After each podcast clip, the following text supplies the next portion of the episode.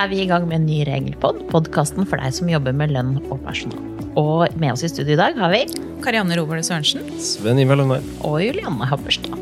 Og i dag har vi med oss et tema som er eh, ganske ja, om, om- omfangende mange arbeidsplasser, eh, og som vi skal se på både fra personalsiden og fra skatt, lønnsskattesiden. Og det er dette spørsmålet om eh, når en ansatt har krav på databriller. Ja. Det er det. Og vi skal mm. hoppe rett inn i det. Så Ja.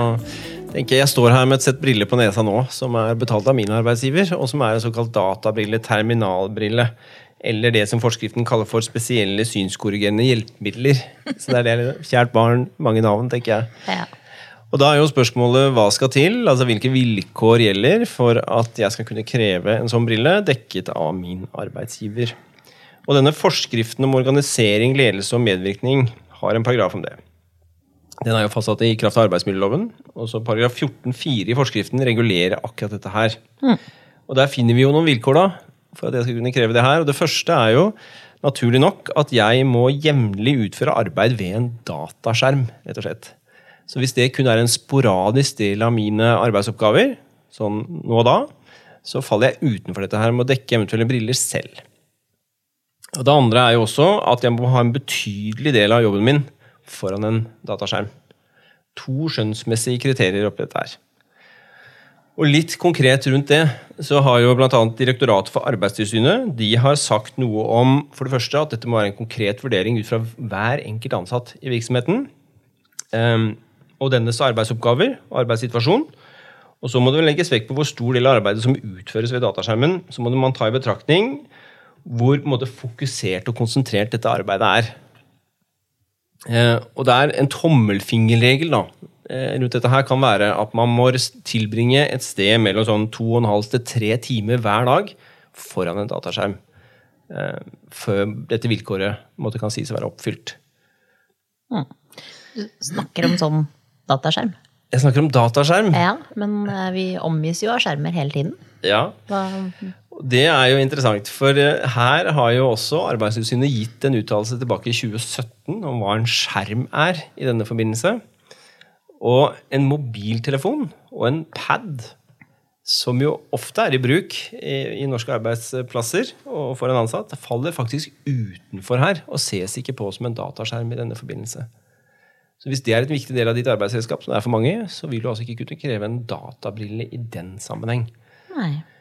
Mens hvis du sitter eh, i et kasseapparat for eksempel, og administrerer det via en skjerm, så vil en sånn frittstående skjerm i en sånn forbindelse være en dataskjerm. i denne settingen. Det samme med en industribedrift hvor du styrer en industrimaskin. Via en skjerm så vil det også falle inn under eh, hva en dataskjerm er. i en sånn setting. Og selvfølgelig PC-en din, laptopen din, eh, frittstående skjerm i den sammenheng. Ja. Faller inn under her. Så Det er litt om vilkårene og den konkrete vurderingen man må gjøre. Og da er jo neste spørsmål, Hvis man først har en sånn arbeidssituasjon og fyller disse vilkårene, så skal man jo ha en brille. Og da må vi gjerne starte med en liten eh, sjekk hos optiker eller øyelege for å se hva slags glass du trenger for å sitte ved skjermen og få gjort jobben din. Og Da går vi til en synsundersøkelse, og da sier bestemmelsen at dette må arbeidsgiver nå dekke eh, i denne sammenheng. Så jeg må betale det også, som arbeidsgiver. Um, og da kan man jo stille et spørsmål om hva hvis denne synsundersøkelsen viser at du ikke trenger noe brille? Ja, ikke sant? At man, man eh, har helt godt syn for å jobbe ved en skjerm. Ja, Må arbeidstaker betale selv. ikke sant? Ja, og der legger man jo til grunn at det må ikke arbeidstaker. At Helt. hvis man eh, har gått en sånn form for eh, synsundersøkelse, så skal arbeidsgiver betale. Eh, Helt uavhengig av hva som er resultatet. Ja, Det er helt korrekt. Kan være greit å vite. Hvis vi da forutsetter at denne, denne synsundersøkelsen ender med at du trenger en databrille, eh, så er vi på en måte over i, i, i neste biten. Og hva må jeg dekke som arbeidsgiver da? For nå må jeg faktisk ha en brille. Og en brille består av en innfatning. Den består av glass, og den består av gjerne det vi kaller tilpasse brillen til, eh, til denne arbeidstakeren. Og kostnadene i utgangspunktet og hovedregelen er at arbeidsgiver må dekke kostnader i alle disse tre settingene. Både glass, innfatning og tilpasning. Eh, og så er det jo veldig vanlig i arbeidslivet at man kanskje setter i en personalhåndbok eller noe sånt da, ut fra disse reglene så setter man kanskje et beløpsgrense på hvor mye vi dekker som arbeidsgiver i en sånn sammenheng. Og der kan vi nok si at i forhold til innfatning, ja, da kan vi sette en grense. På, og utgangspunktet der er også konkret. Hva slags innfatning trenger man for å gjøre jobben sin eh, sånn prismessig? Eh, og det vil jo sikkert kunne variere i noen sammenhenger. Men hvis du spør en spesiell innfatning som har litt høyere kostnad, så må jeg antagelig også dekke dette.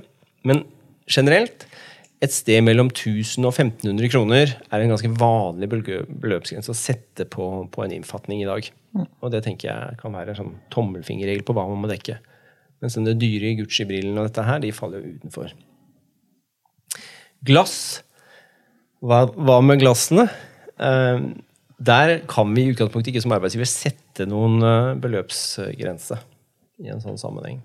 Både enstyrkeglass som kanskje det, kan være det mest vanlige, må arbeidsgiver dekke, men også en progressiv variant, der en, du har en arbeidstaker som f.eks. både ser på skjerm og ser på dokumenter for å få gjort jobben sin. Mm. Kan det være en issue? Så Det er viktig å foreta en konkret vurdering sant, av synshjelpemiddelbehovet til den mm. ansatte og den faktiske arbeidssituasjonen. Helt riktig. Mm. Ja. Var det det vi egentlig hadde fra personalsiden? Ja. ja, jeg tenker det. Og det er viktig å vite at dette er jo ikke regler som arbeidsgiver kan avtale seg bort fra. Nei. Dette er eh, såkalte tvingende regler som gir ansatte direkte rettigheter. Men eh, vi har jo lært i disse podkastene våre at uh, idet den ansatte får noe fra arbeidsgiver, ja, da dukker det veldig ofte et spørsmål opp om beskatning av det. Mm. Og det, det, gjør du her også, Karianne, gjør det ikke? Absolutt. Og det er jo sånn at eh, Hvis arbeidsgiver dekker briller for den ansatte, så er utgangspunktet selvfølgelig skatteplikt. Så er det jo gjort unntak da, for de tilfellene hvor man er innenfor det regelverket Sven Ivar har redegjort for her. Så disse databrillene vil i stor grad da i utgangspunktet være omfattet av skattefritak. Det er presisert da at disse brillene må være godtgjort av optiker eller synslege, og da må man jo gjerne ha den type dokumentasjon. Eh, ofte så er det jo sånn at den ansatte går til synsundersøkelse, eh, får briller, og så betaler selv og får tilbake arbeidsgiver via refusjon. Da må man gjerne ha det på kvitteringen, at dette er dokumentert på en ordentlig måte. Og det tror jeg også optikere er ganske flinke til å dokumentere eh, når de finner at det er behov for databriller. Eh, skattereglene sier jo også at eh, glasset vil kunne dekkes fullt ut etter behovet i forhold til at det er en databrille, mens de også setter jo da en begrensning i forhold til innfatningen. Og der tenker jeg nok at man kan følge de linjene som, som vi snakket om i sted, at det er gjerne sånn 1000-1500 kroner som bør være maks da, refusjon av innfatningen for at man skal være innenfor skattefritaket. Eh, refunderer man briller hvor eh, innfatningen er dyrere enn som så, eh, så vil nok kemneren kanskje kunne da si at så dyre databriller er det ikke innenfor dette skattefritaket, og så vil man i, i praksis da måtte beskattes for det overskytende. Skattereglene har jo ikke noen sats eh, som utgangspunkt her.